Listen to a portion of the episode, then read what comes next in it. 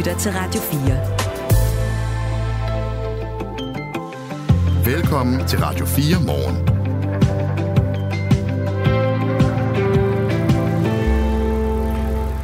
En morgen, hvor øh, det kommer til at handle meget om øh, den konflikt, eller den krig, der er mellem øh, Hamas og, og Israel i, øh, i Mellemøsten, nede, med nede øh, på Gazastriben.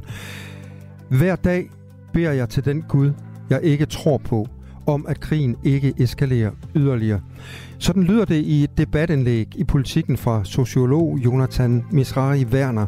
Han er jødisk-israelsk afstamning, og han mener, at vi lever i en meget polariseret verden, hvor man enten er pro-Palæstina eller pro-Israel. Men hvis du spørger Jonathan Misrari Werner, så er verden ikke nødvendigvis så sort-hvid. Vi taler med ham, når klokken den bliver 5 minutter over halv 8. Vi skal også tale med en skoleleder på øh, Tingbjergskolen i Brøndshøj ved øh, København, for han oplever nemlig på øh, skolen, at der er stort behov for at tale om krigen mellem Hamas og Israel. Det er noget, der fylder blandt børnene, det ved vi fra børnetelefonen og børns vilkår, som vi har talt med tidligere her til morgen. Og hvordan griber man det så helt håndgribeligt an ude på en skole, hvor en del af eleverne har en øh, palæstinensisk baggrund. Det øh, fortæller Marco Damgaard, skoleleder, os øh, her i løbet af et kvarters tid i Radio 4 morgen. Det er en øh, mandag morgen, og øh, om du har øh, ferie eller ej, ja, så skal du være så hjertelig velkommen indenfor, og du er også rigtig hjertelig velkommen til at øh, give din holdning med undervejs på sms'en på nummeret 1424. I studiet Claus Andersen og Christina Ankerhus. Godmorgen. Det her er Radio 4 morgen. Hvor det i dag er den årlige hjertestarterdag. Der er arrangementer landet over, hvor man kan få introduktion til brug af de her hjertestarter.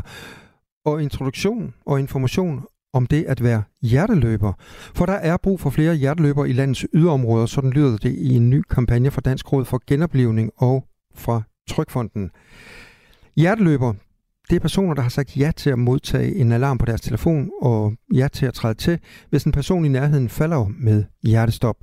Særligt i yderområder kan hjerteløber gøre en forskel. Sådan lyder det fra forsker og Ph.D.-studerende ved hovedstadens akutberedskab. Hun hedder Astrid Roling Krav. Det vi kan se på vores forskning, det er, at hjerteløberne de kommer langt hyppigere før ambulancen i yderområderne end i byområderne. Og det betyder også, at hjerteløberne de ofte kan gå i gang med den livreddende førstehjælp og give stød med en hjertestarter. Og i yderområder, der er der længere øh, ventetid på en ambulance, og derfor er det enormt vigtigt, at der er nok hjerteløbere, som kan tage, øh, træde til i de her områder. Og så kan jeg sige godmorgen til Stine Strandkær, sekretariatchef for Dansk Råd for Genoplevning. Ja, godmorgen. I er med til årets øh, hjertestarter dag og sætter altså i kampagnen med Trykfonden fokus på hjerteløber i landets yderområder. Men først og fremmest, øh, den her hjertestarterdag, som jo altså er i dag, øh, hvad går den egentlig ud på? Det, øh, hjertestarterdagen det er en international øh, hjertestarterdag her den 16. oktober.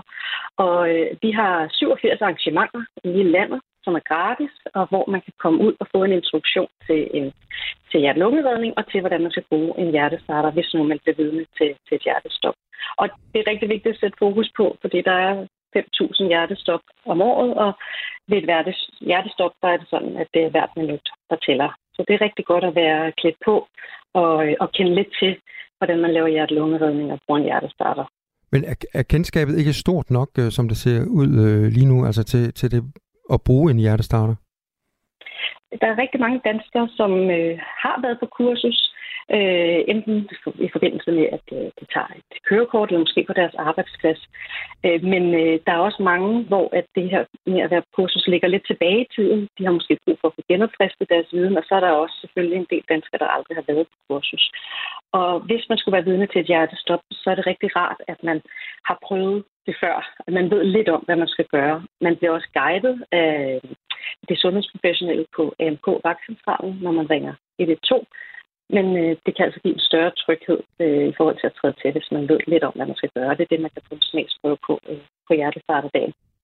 For hvor centralt er det i en øh, eventuel genoplevningssituation, at man har kendskab til øh, hjertelungeredning? Jamen, det er svært at sætte sådan øh, et tal på, men, men vi ved, at ved et hjertestop, der tæller hvert minut, og som tommelfingerregel, så daler ens øh, chance for overlevelse med 10 procent per minut. Det vil sige, efter 10 minutter, så, øh, så er der meget få, der overlever et hjertestop. Så jo hurtigere man kan komme i gang, jo bedre, fordi man så kan indhente nogle minutter. Og der øh, betyder det altså noget, at man har prøvet det før. Man ikke skal vente på at komme igennem til det to og, øh, og komme, øh, blive guidet, men, øh, men at man rent faktisk ved lidt, hvad det handler om, og bare kan gå i gang. Og så vil jeg også lige rose danskerne, for som det er nu, så er det, ved 8 ud af 10 hjertestopper. Der er nogen, der går i gang med hjertelungeredning inden ambulancen øh, kommer. Men, øh, men derfor er det jo stadig rart at, at vide, hvad man skal gøre, så man, øh, så man kan træde til med, med ro i sindet. Jeg taler med Stine Strandkjær, der er sekretariatchef ved Dansk Råd for Genoplivning. Og Stine, der er en, øh, der har et øh, vigtigt spørgsmål, øh, siger hun her. Hun spørger, ja. eller han spørger, fortæl, hvordan en hjerteløber tilkaldes. Er det en app eller nummer, man skal ringe til? Vigtig viden. Tak. Ja, det er sådan, at øh, når man kun, hvis man er ved en person, der falder om, øh, og man ringer 112, så kan den sundhedsfaglige medarbejder inde på vagtcentralen trykke på en knap, og så får man, hvis man har meldt sig som hjerteløber, besked i en app. Så kommer der en meget høj alarm, hvor man så kan sige øh, ja til missionen, eller nej, hvis nu man er alene hjemme med små børn og ikke kan løbe. Af mange årsager. Der kan være mange grunde til, at man ikke kan løbe. Hvis man så øh, siger ja til, at man godt kan løbe, så bliver man så guidet hen enten til at hente en hjertestarter, eller hen til personen, der falder op med hjertestop, så man kan gå i gang med hjertelungeredning. Så hvis man bare melder sig, man kan hente en app ned, der hedder Hjerteløber, så, og der kan man melde sig derinde. Og så kan man altså blive tilkaldt øh, på alle tider af døgnet, uanset hvor man er? Ja, det kan man. Men det man også skal vide, det er, at man tilkalder 20, fordi man regner med, at der også er en del, der siger nej. Så man skal ikke have dårlig samvittighed, hvis man står i en situation, hvor man ikke kan, øh, fordi det er der fuld forståelse for. Så er der nogle andre, der træder til. Hvis vi for eksempel øh, tager et kørekort, øh, så er der jo mange af os, øh, der også får et førstehjælpskursus øh, i, i den forbindelse. Kan man godt anse sig selv som i stand til at genopleve redning, øh, selvom det er en del år siden, øh, man sidst har prøvet det? Vi anbefaler, at man får det genopfrisket hvert andet år. Og øh, altså, vi ved også, at jo, jo oftere man, man træner det, jo bedre er man så også til at træde til. Øh, så det skal ikke, fordi det skal afskrække en øh, at træde til, hvis man har et kursus, der er et år gammelt, men vi anbefaler, at man holder det ved lige. Det kan man jo så blandt andet gøre ved at kigge forbi hjertestarterdagen og lige få genopfrisket, hvordan var det nu med de her tryk og indblæsninger. Hjerteløber, det er som nævnt personer, der har sagt ja til at modtage en alarm på deres telefon og træde til, hvis en person i nærheden falder om med hjertestop. Men det er altså særligt i yderområder, at hjerteløber de gør en forskel. Sådan lyder det for forskere og phd studerende ved hovedstadens akutberedskab Astrid Roling Krav. Hun siger, at i yderområder er der længere ventetid på ambulancen, og derfor er det enormt vigtigt, at der er nok hjerteløbere, der kan træde til i de områder. Og tallene viser også, at der er noget at arbejde med, når det gælder om at skaffe flere hjerteløbere uden for de større byer. Region Hovedstaden for eksempel topper med 3.192 hjerteløber per 100.000 indbyggere. Og så er der Region Syddanmark, der ligger øh, i den lave ende af skalaen. De har 2.065 tilmeldte hjerteløber per 100.000 indbyggere. Så Stine, øh, Stine Strandkager, hvordan kan jeres øh, kampagne bidrage til at få flere hjerteløbere i yderområderne? Jamen, vi håber jo, at vi øh, ved at fortælle bredt om budskabet i dag, og også at, at mange danskere vil møde de her arrangementer, når de bevæger sig rundt øh, i dag i deres efterårsferie, at øh, så får man en forståelse af, hvorfor det er så vigtigt at træde til, og at der faktisk ikke skal særlig meget til, før man også øh, føler, at man har en udtrykhed ved at træde til. Altså det her med, at man har fået en forsmag på, og hvordan man giver hjerte-lungeredning, og hvordan man bruger en hjertestarter. Så det, øh, det håber vi selvfølgelig, også øh, alle jer, der hører radio, at øh, I kunne have lyst til at melde jer som, som hjerteløbere. Nu efterlyser I så flere øh, hjerteløbere, men jeg sidder og tænker på, vil det i virkeligheden ikke være bedre med øh, en ambulance, altså flere ambulancer, end flere hjerteløbere? Øh, altså, jeg vil nødt stå og sige, øh, om det, om det skal være det ene eller det andet, men, men øh, det vi kan se, det er jo, at når, hvis man bor i et yderområde, så kan det altså godt tage noget tid, før ambulancen kommer frem. Jo næsten lige meget, hvor mange ambulancer øh, man har. Man kan jo ikke altså, have ambulancer på hvert, hvert et gadehjørne. Så der er det bare vigtigt, at øh, folk omkring en, ens naboer, øh, andre bekendte, at de, øh, de ved, hvordan de skal gøre og, øh, og kan reagere hurtigt. Fordi det kan faktisk også betyde rigtig meget, hvis en person falder om med hjertestop. Altså, man kan sige, det, det nytter jo ikke noget at have en, en masse ambulancer, hvis der ikke er nogen, der øh, kan reagere i tide og gå i gang med den her vigtige hjertelungeredning. Så alle led i den her overlevelseskæde er vigtige.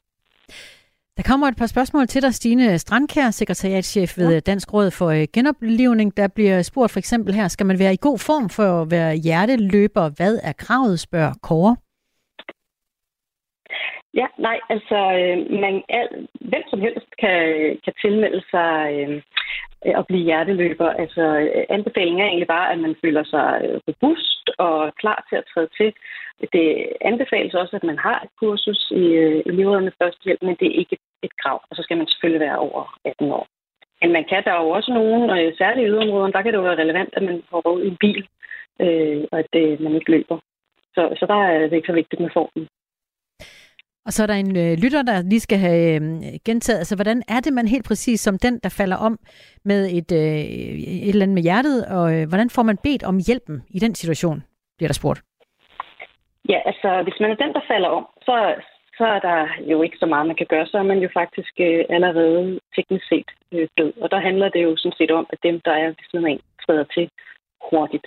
Og det, øh, fordi, og det, der er vigtigt at sige, det er, at man kan sådan set ikke gøre noget galt. Altså, det er vigtigt bare at gå i gang. Det, man gør, det er som det første øh, ring 112. Øh, de kan hjælpe en selvfølgelig med at få sendt ambulance afsted, men også guide en til at lave hjertelungeredning, hvis man, øh, hvis man ikke har prøvet det før.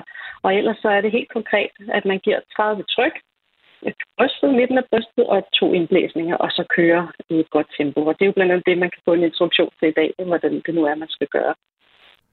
Og så er det hos øh, centralstationen 112, at de der aktiverer det, der hedder hjerteløber-appen ude hos de folk, der er tilmeldt.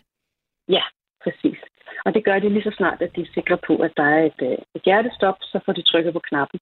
Og, øh, og derfor ved vi også, at i 8 uger til hjertestop, så er der jo allerede nogen, der er gået i gang med hjertelungeredning, inden ambulancen kommer. Og så er der lige Mads, der skriver, min kone er hjerteløber, og det er jeg meget stolt af. Mads skriver så ikke noget om, hvorvidt han selv er hjerteløber. Stine Strand... Det kan vi opfordre ham til. Ja, ja vi kan så. Stine Strandkager, og jeres opfordring lyder jo så på i, i, i dag, at I gerne vil have flere løber. Så hvad, så hvad er det optimalt, øh, du håber på nu kommer ud af den her kampagne, som, øh, som vi kører i dag? Jamen det allervigtigste er egentlig at få udbredt kendskabet til øh, hjertelungeredning og brug af hjertestarter. At så mange danskere som muligt kommer ned til et arrangement, får prøvet det af og, og får en oplevelse af, at det kan man faktisk godt, øh, det her. Og man føler sig i stand til at træde til, hvis man skulle øh, opleve et hjertestop, og man kan hjælpe sin nærmeste på den måde. Øh, og så vil vi jo også rigtig gerne have det her øget fokus på, at civilsamfundet er faktisk rigtig vigtigt, når vi snakker overlevelse af hjertestop. Så der er brug for hjerteløber, særligt i yderområderne, hvor der altså er den her lidt øh, geografiske ulighed. Øh, så det er det, vi gerne vil have ud af hjertestarterdagen i dag. Tak skal du have, Stine Strandkær, sekretariatchef ved Dansk Råd for Genoplevning. Selv tak. Og vi vil som sagt gerne høre fra dig på 1424, hvis du er hjerteløber, eller hvis du ikke har lyst. Så er du hjerteløber, skriv ind til os med dine oplevelser. Er du glad for det? Og hvis ikke, hvorfor ikke? Og hvad kunne få dig til at melde dig som øh, hjerteløber? Skriv til os på 1424. Det kunne være, at Mads han lige kunne øh, prikke sin kone på øh, skulderen. Altså Mads, der skriver, at min kone er hjerteløber, og det er jeg meget stolt af. Vi kunne da lige få øh, Mads til at vække konen og få hende med, måske på en øh, telefon. Den øh, gik ud til dig, Mads. Mandag morgen, klokken er 18 minutter over syv. Du lytter til Radio 4. Den øh, seneste udvikling i øh, krigen mellem Hamas og øh, Israel fylder rigtig meget i medierne, og det fylder også på de øh, sociale medier. Der er opdateringer om øh, dødstal, voldsomme billeder og videoer, der fylder rundt omkring. Og i den forbindelse er det vigtigt, at vi voksne er opmærksomme på, at vores børn og unge, de øh, kigger også med, læser overskrifter, de ser nyhederne, og øh, de ser altså også, hvad der sker af, af ting og sager på de sociale medier, billeder, videoer osv.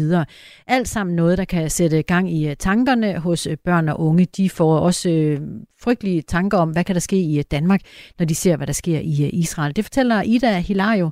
Hun er børnefaglig konsulent hos Børns Vilkår. Vi har netop øh, haft øh, lidt forskellige samtaler, som har handlet også faktisk om meget forskellige emner. Der er for eksempel børn, som kontakter os, en pige, som kontakter os, fordi hun simpelthen var så bange for alt det, der skete ude i verden, og bange for, om der kommer krig i Danmark, om der kommer tredje verdenskrig, og hvordan det i øvrigt sådan spejler ind i, øh, jamen, hvad kan det her betyde for mig? Hvad er det, der sker derude? Og det er noget af det, som flere af de her samtaler handler om. Og den øh, samtale, ja, den øh, tager man også på øh, skolerne, blandt andet på Tingbjergskolen i Brøndshøj, nær København, hvor øh, Marco Damgaard er skoleleder. Godmorgen. Godmorgen. Med øh, elever, øh, der blandt andet har palæstinensisk øh, baggrund. 600 øh, elever i alt har I på skolen. Hvor meget har øh, krig og øh, konflikt mellem Hamas og Israel fyldt hos jer den øh, seneste tid? Ah, Jamen, det fylder helt sikkert noget. Det fylder heldigvis ikke det hele, for det er jo heldigvis det at gå i skole og være sammen med sine venner og lære noget, der fylder det meste. Men det er klart, at øh, når der er sådan en forfærdelig situation, som der er lige nu mellem Hamas og Israel, så fylder det både på de sociale medier, som I er rigtigt til her, og i, og i det almindelige mediebillede. Og derfor har vi øh, elever, især de store elever, som spørger ind til det, øh, og som både er frustreret og kan have frygt og kan have sorg, hvis man har familie, som bor nede i det område. Så, så det fylder noget. Er det noget, øh, børnene selv fortæller jer, eller er det på øh, opfordring af, af jer, at I tager de snakke? Jamen det er både og. Øhm, vi gør altid det, at når der er øh, alvorlige situationer øh, i vores verden og i vores land, så er det noget, vi opfordrer lærere og pædagoger til at tage en snak om på en god måde. Øh, det er ikke noget, vi skal dyrke, men det er noget, hvor vi skal være der som de voksne til at kunne tage snakken. Øh, men vi oplever også, at øh, de store elever især spørger ind til det. Har I hørt om det her? Har I set det, der foregår? Hvad tænker I, og hvad skal man gøre? Og så videre. Så, øhm, så, så det, det fylder begge veje. Er det elever med alle typer af, baggrund, rødder i det danske og rødder i det palæstinensiske og andre steder, der er optaget af det? Ja, det er det faktisk. Øhm, så, så, så på den måde oplever vi det bredt. Men det er klart, vi, øh, vi ved, at vi også har nogle øh, familier. Vi har jo familier for, for forskellige steder i verden, men vi har også nogle for det område, øhm, og, øh, og de er jo påvirket af det. Øh, og nogle af dem føler jo også sorg, øh, hvis man har noget familie dernede, eller at øh, eller man, man har haft familie, som er rejst derfra. Så, øh, så det betyder noget. Oplever I øh, som vi hører om fra børns vilkår, at der er børn, der får øh, hadefulde kommentarer på grund af deres baggrund. Vi kan godt lige prøve at høre, hvad, hvad Ida Hilaria, hun øh, fortalte os lidt tidligere.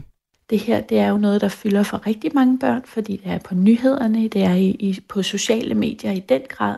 Men der er jo børn og unge, som har, og familier, som har rødder og tilknytning til de her områder, og for hvem det her det kan fylde øh, særligt meget, og som kan være fyldt med alle mulige forskellige slags følelser. Og vi har også hørt fra, fra børn, som har fået hadefulde kommentarer fra andre børn, øh, alene fordi de havde rødder i, i enten Israel eller Palæstina. Marco Damgaard fra undskyld, skoleleder på Tingbjergskolen i Brøndshøj. Oplever I øh, også det? Nej, vi har ikke øh, nogen konkrete øh, eksempler på nogen, der har fået hadfulde beskeder. Men det er klart, altså vi har jo gjort det her. Øh, Børns Vilkår har faktisk lavet en udmærket materiale, som hedder Sådan taler du med dit barn om konflikten mellem Hamas og Israel. Det har vi sendt ud til alle lærere og pædagoger, både i vores, øh, kan man sige, indskoling, men også i udskoling, også i fritidsklubben og ungdomsklubben, fordi at så kan man tage den her snak. Og i det vil jeg bare sige, der opstår jo mange følelser. Nogle bliver bange, nogle bliver kede af det, der kan også opstå had, og, og det, jeg synes, der er vigtigt, det er, at børnene og de unge ikke står alene med de her følelser eller det her billede, men faktisk har nogle troværdige og nogle trygge voksne at tale med det om. Og det er der, at, øh, at vi er her. Hvordan øh, håndterer I det øh, faktum, at øh, Danmark som, øh, som stat og samfund har taget stilling? Altså, øh, vores statsminister siger, at vi øh, jo i den her sag holder med Israel over for øh, Hamas, og hun har øh, store følelser for øh, folk, der bor i Gaza og palæstinenser som sådan. Men vi har altså taget øh, stilling, og vi har valgt en side i den her krig. Hvordan håndterer I det? Vi, vi tager ikke stilling eller går ind og siger, hvem vi holder med eller noget som helst, for det er egentlig ikke for mig det, der er det vigtigste. Øh, for det, her er det vigtigste at holde med de børn, som er her i Danmark, og de unge, som er her i Danmark, som enten er kede af det, eller som bliver vrede, eller som bliver bange. Det, det er dem, vi snakker med, og det er dem, vi taler med om, øh, hvad de føler og hvordan de oplever det. Så vil vi gerne, det er hvor jeg synes, vores fornemmeste opgave er, det er, at konflikten jo ikke skal være her. Øh, konflikten skal jo ikke være på vores skole eller i København for eksempel, at vi kan tale ordentligt til hinanden, at vi kan respektere hinanden uanset baggrund og passe godt på hinanden. Det synes jeg er vores opgave som folkeskoler og som fritidsinstitution. Og Børns Vilkår, de øh, har jo så set som øh, deres opgave netop at give særlig vejledning i, hvordan man tager snakken lige nu, som Ida Hilario forklarer det. Vi laver de her guides blandt andet ud fra vores erfaring med de børn, vi taler med på børnetelefonen. Og der ved vi, hvor vigtigt det er først og fremmest at give plads til, at den samtale overhovedet må være der, og at vise barnet, at man kan rumme de tanker, de har, det de er bange for, at man ikke selv bliver bange, eller vred, eller ked af det over det, de siger. Så tal med barnet, lad barnet fortælle, hvad det er, de tænker på, fordi det skaber et godt udgangspunkt for, hvad det er, barnet har brug for den voksne til. Marco Damgaard er med os, skoleleder på Tingbjerg skolen i Brøndshøj ved øh, København. Hvordan synes I så, det er gået med at tage de snakke? Jamen, det går godt, og, øh, og vi kan mærke, at, øh, at børnene og de unge, de føler sig trygge i det. Øhm, der har været undervisning i 9. klasse, hvor at, at der har været en god snak om det, hvor man kunne komme til ord, øhm, og der har været små samtaler i, i ungdomsklubregi og i, og i nogle lidt mere øh, små grupper osv., så på den måde oplever vi faktisk lige det, som, børne, øh, eller som børns vilkår også lægger øh, vægt på her, nemlig at de unge kan komme til ord, og de kan sætte øh, ord på deres følelser. Og for mig er det så bare vigtigt, og det var også det, jeg sagde før, vi skal ikke have en konflikt her.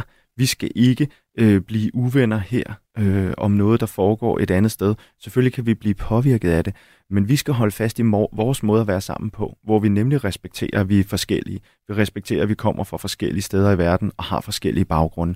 Det holder vi fast i her, og det gør vi blandt andet ved at ture også at tage dialogen om sådan noget her.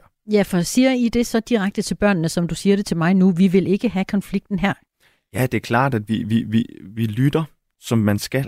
Lytter til den øh, sorg, der kan være, den frygt, der kan være. Øh, men det er klart, at hvis, øh, hvis vi oplever, at nogen bliver øh, hadske, eller nogen tænker, jamen så er det også alle dem, der er dumme, eller alle dem, der har gjort noget, så taler vi om det og siger, at det er jo ikke sådan, verden fungerer. I virkeligheden lige nu er der jo civile mennesker på hver sin side af konflikten, børn, kvinder, mænd, som, øh, som jo kun er ofre, øh, og, og det er ikke deres skyld, øh, og det er heller ikke de, de menneskers skyld, som lever her i Danmark, og har enten den ene baggrund eller den anden baggrund. Det taler vi om det er også en del af det, at, at, at den demokratiske dannelse, som er så vigtig i en folkeskole.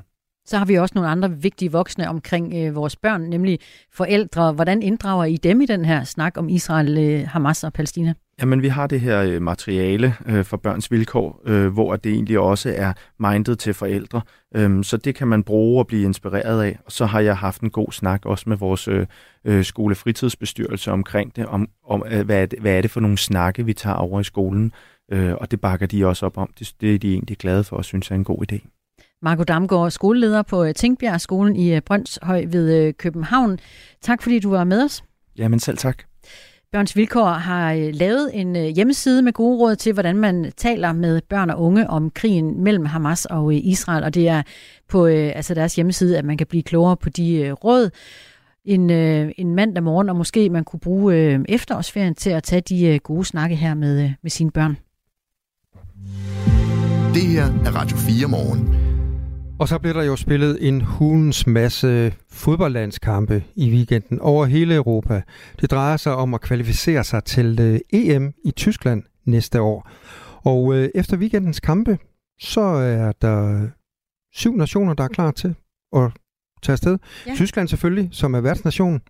Så er der Belgien, Frankrig, Portugal, Spanien, Skotland og Tyrkiet. Og som mange af jer sikkert ved, så slog Danmark jo Kazakhstan i parken med yes. 3-1 lørdag aften. Nemlig. Og så spørger du mig sikkert, skal vi så med til EM? ja. Sandsynligheden for, at vi skal det, er ret stor.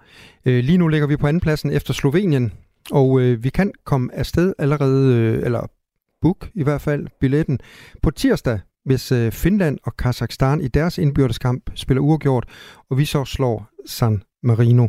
Det sidste, det skal vi nu nok gøre, men om øh, Finland og Kazakhstan ligefrem spiller uafgjort, øh, det må vi vente og se til på Det er det her med, når de små detaljer skal, skal falde på plads ja. fuldstændig. Men vi slår San Marino, det er vi enige om. Og så er de ikke så glade op i Norge. Deres drømme på at komme med til EM, de er næsten umulige, efter de tabte 1-0 til Spanien. Så dermed øh, så er det altså Spanien og Skotland, der er kvalificeret til EM fra den gruppe A. Øh, og Norge, det ser skidt ud for dem. De har ikke været med ved en slutrunde siden 2000. Det er ellers et øh, stolt, au, au, au. stolt øh, folkefærd deroppe. De går mm. meget op i sport. Men fodbold men, kan de ikke spille? Ja, det kan de godt, men øh, bare ikke godt nok. Nej, det er jo det. Vi kan alle spille fodbold, bare ikke på det plan. En øh, mandag morgen. Vi skal i nyhedsstudiet. Klokken er halv otte. Nu er der nyheder på Radio 4. Overvægt gør brystkræft meget farligere. Det hidtil største studie med over 13.000 danske brystkræftpatienter viser, at kvinder med overvægt har en væsentligt dårligere brystkræftprognose end andre. De får flere tilbagefald, og de lever kortere. Jo mere overvægtige, jo større risiko. Studiet er opsigtsvækkende, fordi overvægt er et stigende problem. I dag er flertallet i den danske befolkning overvægtige, og stadig flere bliver svært overvægtige. Har man overvægt, har man øget risiko for kræft. Siger ledende overlæge og professor Sine Borgqvist, der står i spidsen for studiet, som er offentliggjort i et anerkendt videnskabeligt tidsskrift. Desværre er det også sådan i mange kræftsygdomme, at det at have overvægt også er forbundet med en dårligere kræftprognose. Det gælder også for de omkring 5.000 danske kvinder, der hvert år får brystkræft. Hospitalerne i Gaza står til at løbe tør for brændstof om cirka 24 timer. Det oplyste FN's agentur for koordinering af humanitær hjælp først på natten. Det skriver Reuters. Nedlukning af backup-generatorer vil sætte tusindvis af patienters liv på spil, lyder det fra agenturet. Israel lukkede for vand, brændstof og elektricitet ind til Gazastriben efter Hamas blodige angreb på Israel, der siden 7. oktober har kostet mindst 1400 israelere livet. Knap 2700 palæstinensere har mistet livet i israelske modangreb i Gazastriben. I går blev der dog genåbnet for vandet til dele af Gaza. Det er ventet, at Israel inden længe vil begynde en større landoffensiv i Gaza.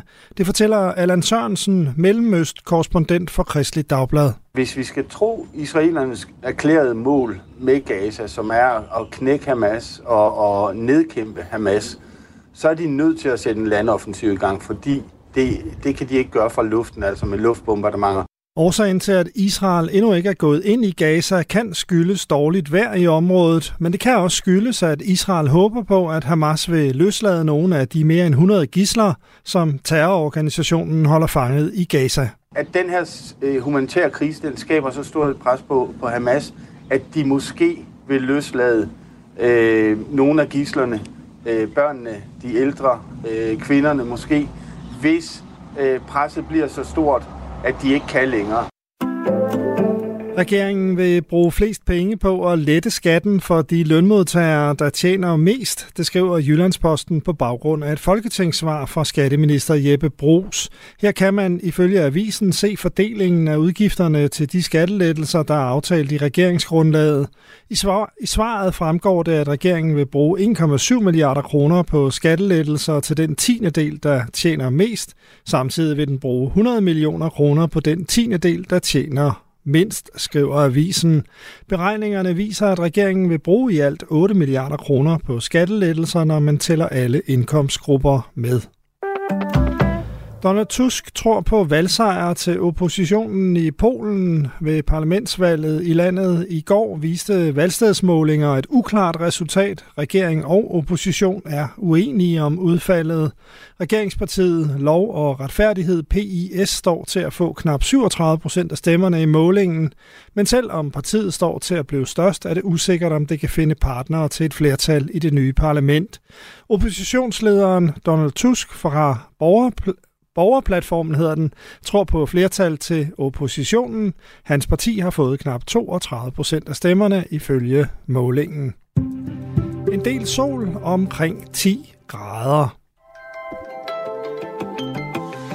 Det her er Radio 4 morgen. Husk, at du kan sende os en sms på 1424. Under den verserende krig mellem Israel og Hamas, der kan debatten herhjemme hurtigt gå på, om man er pro-Israel eller pro-Palæstina. Men det er ikke nødvendigvis så sort-hvidt. Sådan lyder det i et debatindlæg i politikken fra Jonathan Misrai Werner, der er dansk israeler og sociolog. Han skriver blandt andet, Mit blod begynder at koge, når jeg ser massemordet, Hamas-soldaterne begik i Kafar Azar og Beri.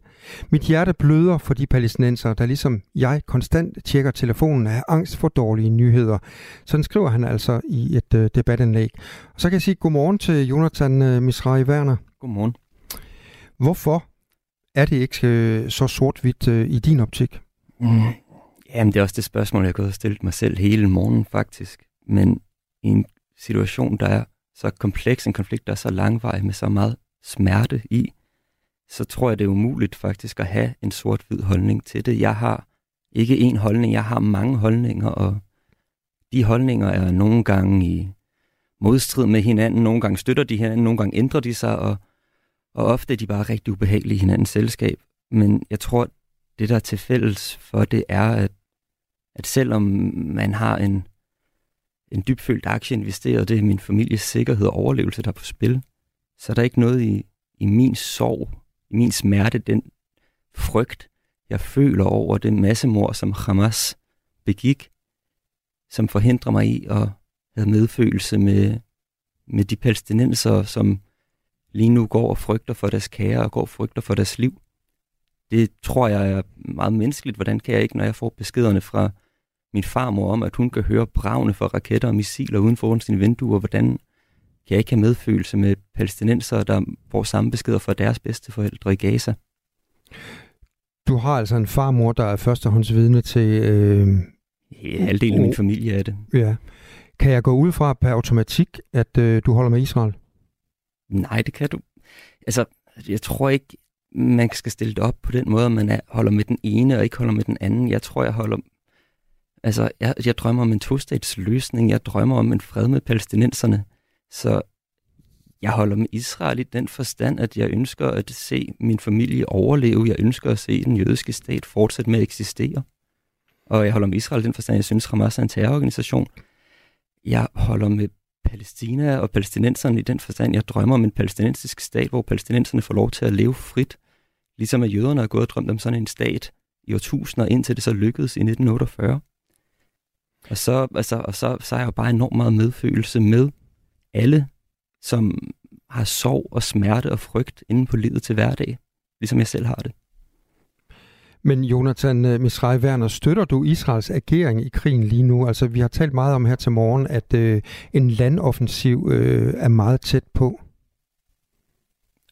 Jeg ved simpelthen ikke, hvordan jeg skal svare på det. Fordi jeg støtter drømmen om fred, og samtidig forstår jeg, at man som israeler efter det, der er foregået sidste lørdag, ikke kan se til, mens, at man fortsætter, mens Hamas fortsætter med at eksistere i Gaza. Jeg er faktisk ret overbevist om, at der ikke er noget land i verden, der vil se stiltigende til. Og jeg forstår, at vi befinder os i en del af verden, hvor det sprog, der bliver talt, det er voldens sprog, og det er også det sprog, der, det er kun det sprog, der bliver lyttet til.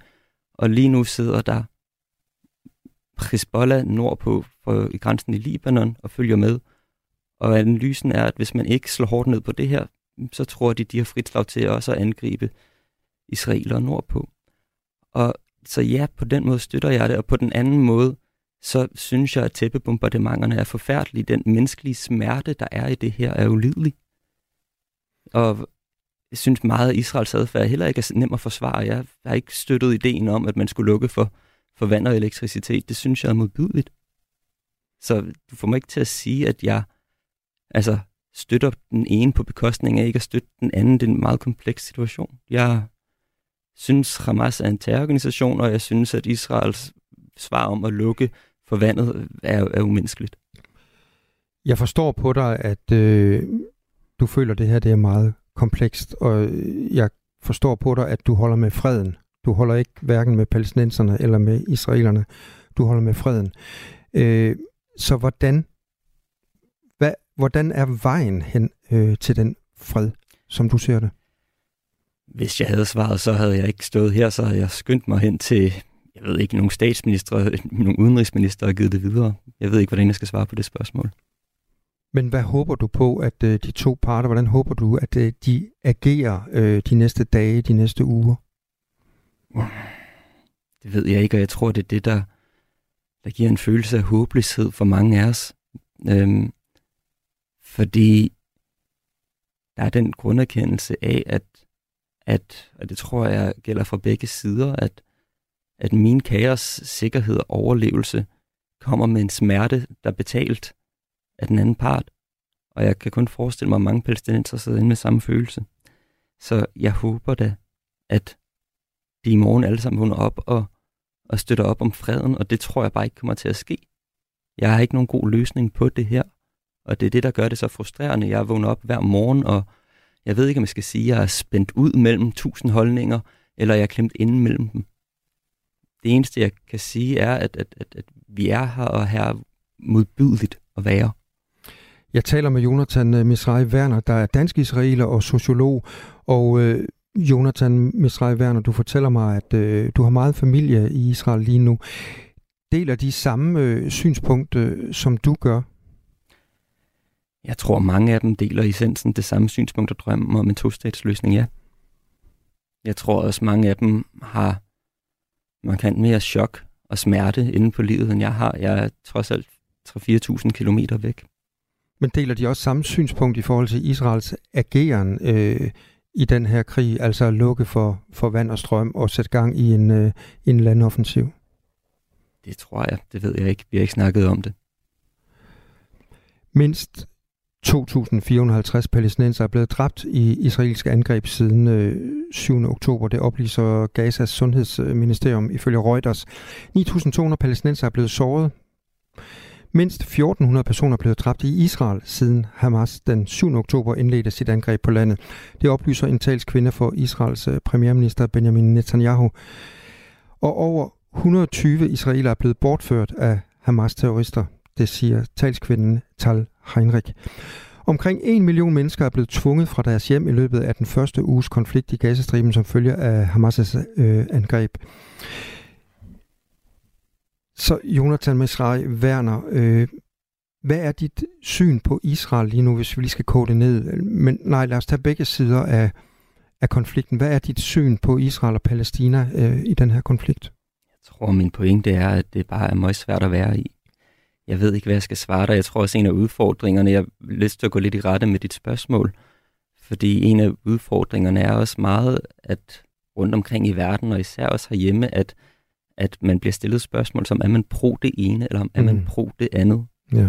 Øhm, og, og, og jeg tror, min pointe, det jeg skriver i mit debatindlæg, er, at, at, at jeg håber, man kan være, altså have drømmen om, en, altså at, at folk faktisk kan og vil freden.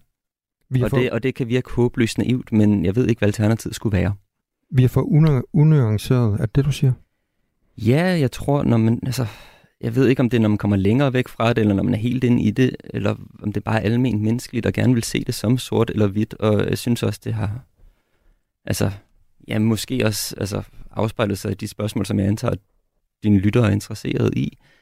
Men, men jeg tror bare ikke, det er så sort og hvidt. Jeg kan godt sørge over de 1200 israeler, der blev dræbt lørdag, nu er det op på 1400 jeg kan godt sørge over det, jeg kan godt føle den frygt, den smerte, og, og samtidig støtte op om en palæstinensisk stat. Jeg kan godt føle, at det, altså jeg kan godt vågne op morgen og føle, det er nødvendigt at, at fjerne Hamas fra magten og stadigvæk støtte palæstinensers ret til at udtrykke deres sorg og smerte over det. Det er ikke, altså jeg, jeg har ikke særlig klare holdninger på det, og jeg, det tror jeg, det er min pointe. Jeg har vildt mange holdninger, og mange af dem er modstridende med hinanden.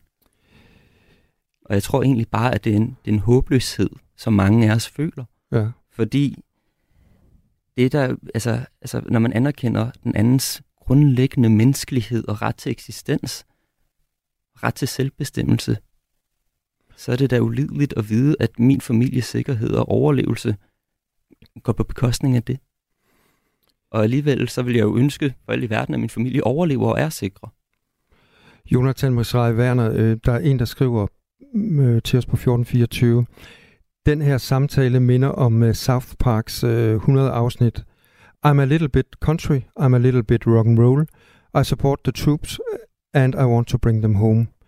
Jeg tror, der ligger i den her kommentar, at øh, det måske er lidt vandet. På den ene side, på den anden side. Kan du følge det? Ja, det kan jeg godt følge, og det er egentlig også, jeg har øvet mig i metroen hele vejen herhen for lidt, hvad, hvad skal man stille op med, med den her på den ene side, på den anden side. Jeg tror, at, at der er to måder at være på den ene side, på den anden side, og den ene måde at være det på er, når man så er, er det jo lige meget, eller så er det jo den lige kvidt, og jamen, så, altså, så, så udligner det jo sig selv. Jeg tror, den anden måde at være det på er oprigtigt at føle begge sider. Og det, og det, og det, det jeg føler, jeg gør, og det er det, der gør det så smertefuldt at være i. Så hvis jeg nu vil spørge dig her til sidst, for lige at runde af. Øh, du har opridset sådan lidt af dine synspunkter, så kan jeg spørge dig, hvor du står i konflikten, så kender jeg næsten svaret. Du ved det ikke. Jeg ved det ikke. Jeg håber, min familie overlever. Jeg håber, at den situation, der ender, den ender, nuværende konflikt ender med at munde ud i, betyder sikkerhed for, for min familie, for mine landsmænd. Jeg drømmer om, at det også på længere sigt betyder det samme for palæstinenserne. Sådan sagde altså Jonathan Misrai Werner, der er dansk israeler og sociolog. Tusind tak, fordi du var med her til morgen. så lidt. Det her er Radio 4 morgen. Hvor jeg øh, måske i virkeligheden tager det øh, vildeste spring, vi kommer til at tage her til morgen. I dag er det øh, nemlig 100 år siden, at øh, brødrene Roy og Walt Disney officielt øh, etablerede det øh, nu verdens største mediekoncern, Walt Disney Company. Hej ho! Hej ho!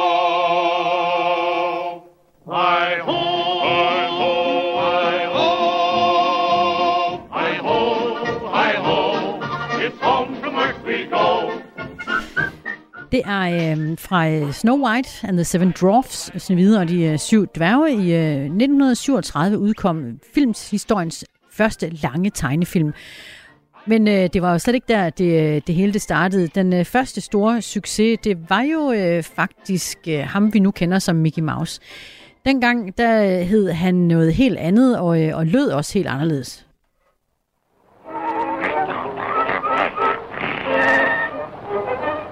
Han sagde ikke så meget, Mickey Mouse, dengang. Han øh, figurerer her som øh, Steamboat Willie, altså en mus, der sejler et øh, dampskib, og så bliver han drillet noget så øh, grundigt af en øh, stor, fæl, øh, sort kat, og af en papegøje i øvrigt også. Senere så hed øh, fyren her Mortimer Mouse, men det blev ændret, fordi at Walt Disneys hustru, hun synes, at Mortimer, det var sådan lidt for pompøst, og foreslog i stedet Mickey, og det er jo det, vi kender ham som i dag, Mickey Mouse.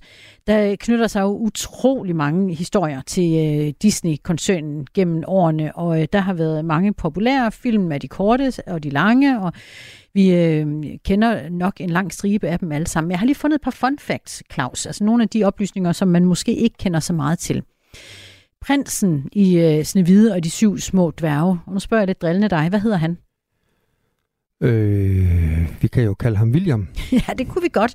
Men han har ikke noget navn. Han bliver øh, bare omtalt som prins. Ja. ja. Så er der de her øh, syv dværge, som vi på dansk øh, kender som øh, Brille, Søvnig, Flovmand, Prosit, Gnavpot, Lystig og øh, Dumpe. Da de brainstormede i sin tid på, hvad de skulle hedde, ja, så havde de hele 50 navne op og, øh, og vende. Men det endte altså på, øh, på de her, det går nok på i den engelske udgave, det er klart. Så har vi, øh, hvis vi springer til Rose, der er dronningen, øh, hvad hedder hun? Mm, Victoria. Nej, hun har heller ikke noget navn.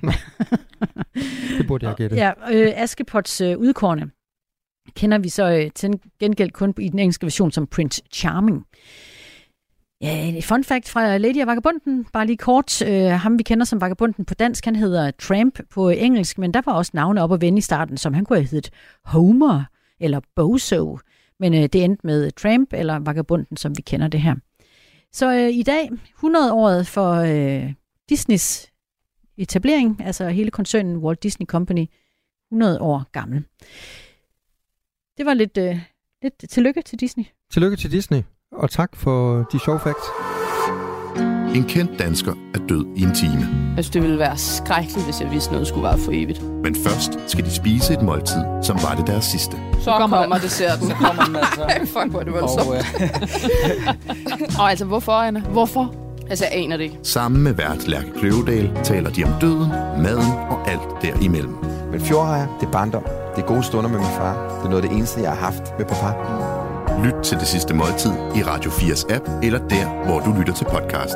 Æret være hans minde. Radio 4. Var det det? Det var det. Ikke så forudsigeligt. I går var der deadline for øh, kommunernes budgetter for øh, året 2024, og øh, flere har igen vurderet det nødvendigt at svinge sparkniven over ældreområdet. Flere kommuner har jo ellers råbt op om det gentagende gange, at det ikke længere er holdbart at skære lige nøjagtigt der for øh, området for vores ældste. Og en af de kommuner, som øh, har det stramt lige der, det er Frederikshavn Kommune, hvor øh, Birgit Stenbak Hansen er borgmester. Godmorgen. Godmorgen. Hvor slemt står det til øh, hos dig på ældreområdet? Ja, slemt, det lyder så dramatisk. Vi sender stadigvæk gode social- og sundhedshjælper, assistenter og sygeplejersker ud og, og yder en rigtig fin indsats hver eneste dag. Men der, når vi i budget med Råd for Fagligheden arbejder med at finde støttestrømper, der kan sidde i døgndrift, fordi vi ikke har hverken penge eller arbejdskraft til at tage ud og tage dem af, eller der, hvor vi skærer i det, der hedder klippekort. Det er en ordning til de, der har ringe eller ingen netværk, der så kan få lidt ekstra hjælp til faktisk at komme ud og handle, komme på en tur eller drikke den her berømte kop, kop kaffe. Så synes jeg, vi er dernede og som jeg har brugt udtrykket, ikke bare skære ind ved benene, vi skærer i maven. Og det bliver vi nødt til at snakke med hinanden om. Altså velfærden i forhold til ældreområdet, ligesom dagtilbud og skoler, det er jo en grundsten i vores velfærdssamfund, og dem er der ingen, der skal tvivle på. Men jeg vil sige, at vi bliver nok også nødt til lige at snart at snakke med hinanden om, hvad det er, man kan forvente, hvad er det, vi kan tilbyde, og er, det, er vi der, hvor vi skal være. Men du har øh, selvstyre, du må selv bestemme, hvor du øh, retter pengene hen i din kommune. Hvorfor går de ikke til de ældre? Det gør de sandelig også, øh, men noget af, nogle af de store områder er jo øh, dagtilbud, skole og ældreområdet, og vi, vi har øh, sparet på kulturen og asfalten, sådan lidt firkantet sagt, på det, der hedder socialområdet. Øh, det er ældre, handicap og psykisk syge, øh, sårbare, øh, udsatte i det hele taget. Der har vi sparet 11 millioner til næste års budget. Det kan altså mærkes, men vi har også sparet på alle andre områder. Så vi prøver jo også at indrette os sådan øh, med at lave selvstyrende grupper, hvor vi lytter til de ansatte og lederne om, hvordan man kan styrke indsatsen på færre hænder. Vi vinder hver en krone. Vi leder efter støttestrømper, der kan sidde i døgndrift, som jeg lige sagde. Vi er gået fra at gøre rent hver anden uge til hver tredje uge, så vi, vi gør alt det, vi kan, men, men vi kan ikke sådan sige, nu skal vi også øh, lade være at spare på, på folkets skole, folkeskolen, eller nu skal vi også lade være at spare på ældreområdet, for vi, vi er hele vejen rundt. Og det her, det er ikke en klagesang. Det er mere sådan, vi bliver nok nødt til at snakke med hinanden om, hvad det er, vi kan honorere i velfærdssamfundet. Og jeg øh, har jo godt hørt overvismanden, der siger, at vi kan ikke forlade arbejdsmarkedet tidligere, forvente skattelettelser, og så også have en høj forventning til velfærdssamfundet. Og det, som meningsstander og politikere på kommunalplan, der kaster jeg mig ind i den debat og så siger, nu skal vi til at snakke med hinanden om, hvad det er for nogle forventninger, vi kan have, hvad det er, som vi skal øh, honorere. Og jeg siger jo ærligt, det gør jeg altid, at det her det er svært, og at vi bliver nødt til at snakke med hinanden om, at vi, øh, vi tager rigtig hårdt ved, også på et, et område, som vi jo synes er en af grundstenene i velfærdssamfundet. Vi skal tale om det, siger du, men hvad nytter det, når øh, støttestrømperne ikke er der, og øh, alle de andre ting, du, øh, du nævner, Birgit? Vi skal jo tale om, øh, hvad det er, vi kan honorere, og, og jo også være meget bevidst om, at øh, de, der kan selv, de skal selv. Og så er der jo nogen, der ikke kan, og det er jo i bund og grund det, som øh, kommunen, øh, staten, det offentlige er sat i verden for. Og jeg siger ikke, at der er nogen, der får, der ikke øh, skal have, men der er måske nogle områder, hvor vi må sige, øh, er, er der andre, der kan tage sig af det. Og jeg siger jo ikke, at man skal være afhængig af, at man har øh, børn eller naboer, men det betyder jo ikke, at civilsamfundet, pårørende, venner, naboer, frivillige unge ikke må give en hånd med i det omfang, de kan og vil. Og det sker allerede nu. Og det vil vi også gerne i Frederikshavn Kommune inspirere til at udbygge. Det er sådan nogle små hverdagsting som indkøb og transport. Øh, også det sociale. Få en god snak, en hyggelig køretur, gåtur, cykeltur. Vi har ældre, der hjælper ældre. Vi har ældresagen, der kommer med nogle ladcykler. Det lyder så voldsomt, men når cykler tur med vores ældre. Og jeg går ikke efter en amerikansk model, men jeg går efter, at vi tør tale om, at kommunen, øh, det offentlige, vi kan, vi kan nok ikke det, som, som borgerne forventer. Og det starter sådan set med den rigtig gode dialog.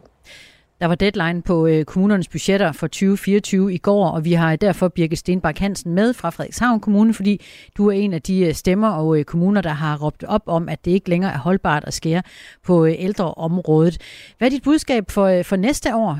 Øh, bliver det, altså, du accepterer ikke ordet slemt, men øh, bliver det værre eller bedre? Det bliver værre i en kommune som Frederikshavn Kommune, hvor vi har faldende øh, Øh, indbyggertal, men, men stigende, altså flere ældre borgere. Og øh, vi gør alt, hvad vi kan selv for at se, om vi kan skaffe os nogle indtægter og nogle borgere, så vi kan få hævet vores skatteniveau. Men vi sparer på, på 10. år i træk 1% af vores serviceudgifter, og det kan ikke lyde så meget, men det er faktisk det, vi er. Det er ældre, dagtilbud, skole osv. Så, videre. så vi, jeg hører jo også øh, regeringen, Folketinget sige, at, øh, at der også kommer penge til velfærden. Det er jo noget af det fornemmeste, vi har. Men vi skal også være spids på, hvad det er, vi har råd til, som jeg lige refererede til overvismanden. Vi kan ikke det hele, og det er det, vi har brug for at tale med hinanden om. Christiansborg, kommunerne, borgerne, civilsamfundet, om hvad er det, de skal kunne det her velfærdssamfund. Og tro mig, i år er der tre ud af fire kommuner, der skal spare, og det vil der også være næste år. Øh, vi skal spidse til, vi skal leve, som vi har råd til. Det gør vi hver eneste dag. Jeg piver ikke over det kommunale selvstyre, jeg tager det på mig. Men jeg vil også have lov at hejse et flag for, at vi kan tale om, at øh, vi kan ikke det, som, som mange tror, vi kan. Og så skal vi jo have den her berømte forventningsafstemning, og også være bevidst om, at øh, vi kan ikke det hele, og der er ting, hvor vi må sige, at det kan vi ikke levere længere med de øh, færre penge, vi har rundt i kommunerne, og flere opgaver på andre måder. Fordi der er mange, der spørger, hvor er alle pengene? Jamen, vi har jo øh, flere øh, familier og børn, der har øh, udfordringer fysisk, psykisk og socialt og har brug for, for det offentlige. Så, så vi har øh, flere øh, syge øh, sygdomme, der kan behandles, og der er mange, der har og så øh, videre. brug for hjælp ja. og pengene. Birgit Stenbak ja, Hansen, øh, borgmester for Socialdemokratiet i Frederikshavn Kommune. Godmorgen til dig. Godmorgen. Der kom lige en sms, jeg, nu nævner jeg bare lige det, Lars Madsen, som ofte er med os her på morgen, spar på konsulenterne, de suger pengene ud er jeg, var øh, budskabet. Det her er Radio 4 morgen. I dag er det den årlige hjertestarterdag, og der er arrangementer landet over, hvor man kan få en introduktion til brug af hjertestarter, også til det at være hjerteløber. For der er brug for flere hjerteløbere i landets yderområder, sådan lyder det i en kampagne fra Dansk Råd for Genoplivning og fra Trykfonden. Hjerteløber, det er personer, der har sagt ja til at modtage en alarm på deres telefon og træde til, hvis en person i nærheden falder om med hjertestop. Særligt i yderområder kan hjerteløber gøre en forskel, sådan lyder det fra forskere og Ph.D.-studerende ved hovedstadens akutberedskaber. Hun hedder Astrid Roling Krav. Det vi kan se på vores forskning, det er, at hjerteløberne de kommer langt hyppigere før ambulancen i yderområderne end i byområderne. Og det betyder også, at hjerteløberne de ofte kan gå i gang med den livreddende førstehjælp og give stød med en hjertestarter. Og i yderområder, der er der længere øh, ventetid på en ambulance, og derfor er det enormt vigtigt, at der er nok hjerteløbere, som kan tage, øh, træde til i de her områder. Det her, det er Stine Strandkær enig i. Hun er sekretariatschef ved Dansk Råd for Genoplevning. Og Stine Strandkær, hun understreger også, hvor stor betydning det har at sætte fokus på selve hjertestarterdagen. Hjertestarterdagen det er en international øh, hjertestarterdag her den 16. oktober. Og øh, vi har 87 arrangementer i hele landet, som er gratis, og hvor man kan komme ud og få en introduktion til, en, til hjertelungeredning og til, hvordan man skal bruge en hjertestarter, hvis nu man bliver vidne til, til et hjertestop. Og det er rigtig vigtigt at sætte fokus på, fordi der er 5.000 hjertestop om året, og ved et hjertestop, der er det sådan, at det er hvert minut, der tæller. Så det er rigtig godt at være klædt på og, øh, og kende lidt til, hvordan man laver hjertelungeredning og bruger en hjertestarter. Sådan lyder det altså fra sekretariatschef i Dansk Råd for Genoplevning, Stine Strandkær. Og hun peger på, at selvom rigtig mange danskere har haft et øh, førstehjælpskursus, så kan alle have godt af lige at få det genopfrisket. Der er rigtig mange danskere, som øh, har været på kursus, øh, enten i forbindelse med, at øh, de tager et kørekort, eller måske på deres arbejdsplads. Øh, men øh, der er også mange, hvor at det her med at være kursus ligger lidt tilbage i tiden. De har måske brug for at få genopfrisket deres viden, og så er der også selvfølgelig en del danskere, der aldrig har været på kursus. Og hvis man skulle være vidne til et hjertestop, så er det rigtig rart, at man har prøvet det før. At man ved lidt om, hvad man skal gøre. Man bliver også guidet af det sundhedsprofessionelle på AMK Vagtcentralen, når man ringer 112 men øh, det kan altså give en større tryghed øh, i forhold til at træde til, hvis man ved lidt om, hvad man skal gøre. Det er det, man kan få en smagsprøve på øh, på hjertestarterdagen. Der er rigtig mange danskere, som ikke har sådan et øh, hjertestarterkursus i deres rygsæk. Men alligevel så får øh, de en ros med fra Stine Strandkær. Og så vil jeg også lige rose danskerne, for som det er nu, så er det, det 8 ud af 10 hjertestopper. Der er nogen, der går i gang med hjertelungeredning, inden ambulancen øh, kommer. Men, øh, men derfor er det jo stadig rart at, at vide, hvad man skal gøre, så man, øh, så man kan træde til med, med ro i sindet. Så lød det altså fra Stine Strandkær, sekretariatchef ved Dansk Råd for Genoplivning. Og det er i dag, der er hjertestarterdag. Og det er øh, mandag den 16. og øh, det er Radio 4 morgen, du øh, lytter til sammen med Henrik Møring i nyhedsstudiet. Klokken er 8. Du har lyttet til en podcast fra Radio 4. Find flere episoder i vores app, eller der, hvor du lytter til podcast. Radio 4. Ikke så forudsigeligt.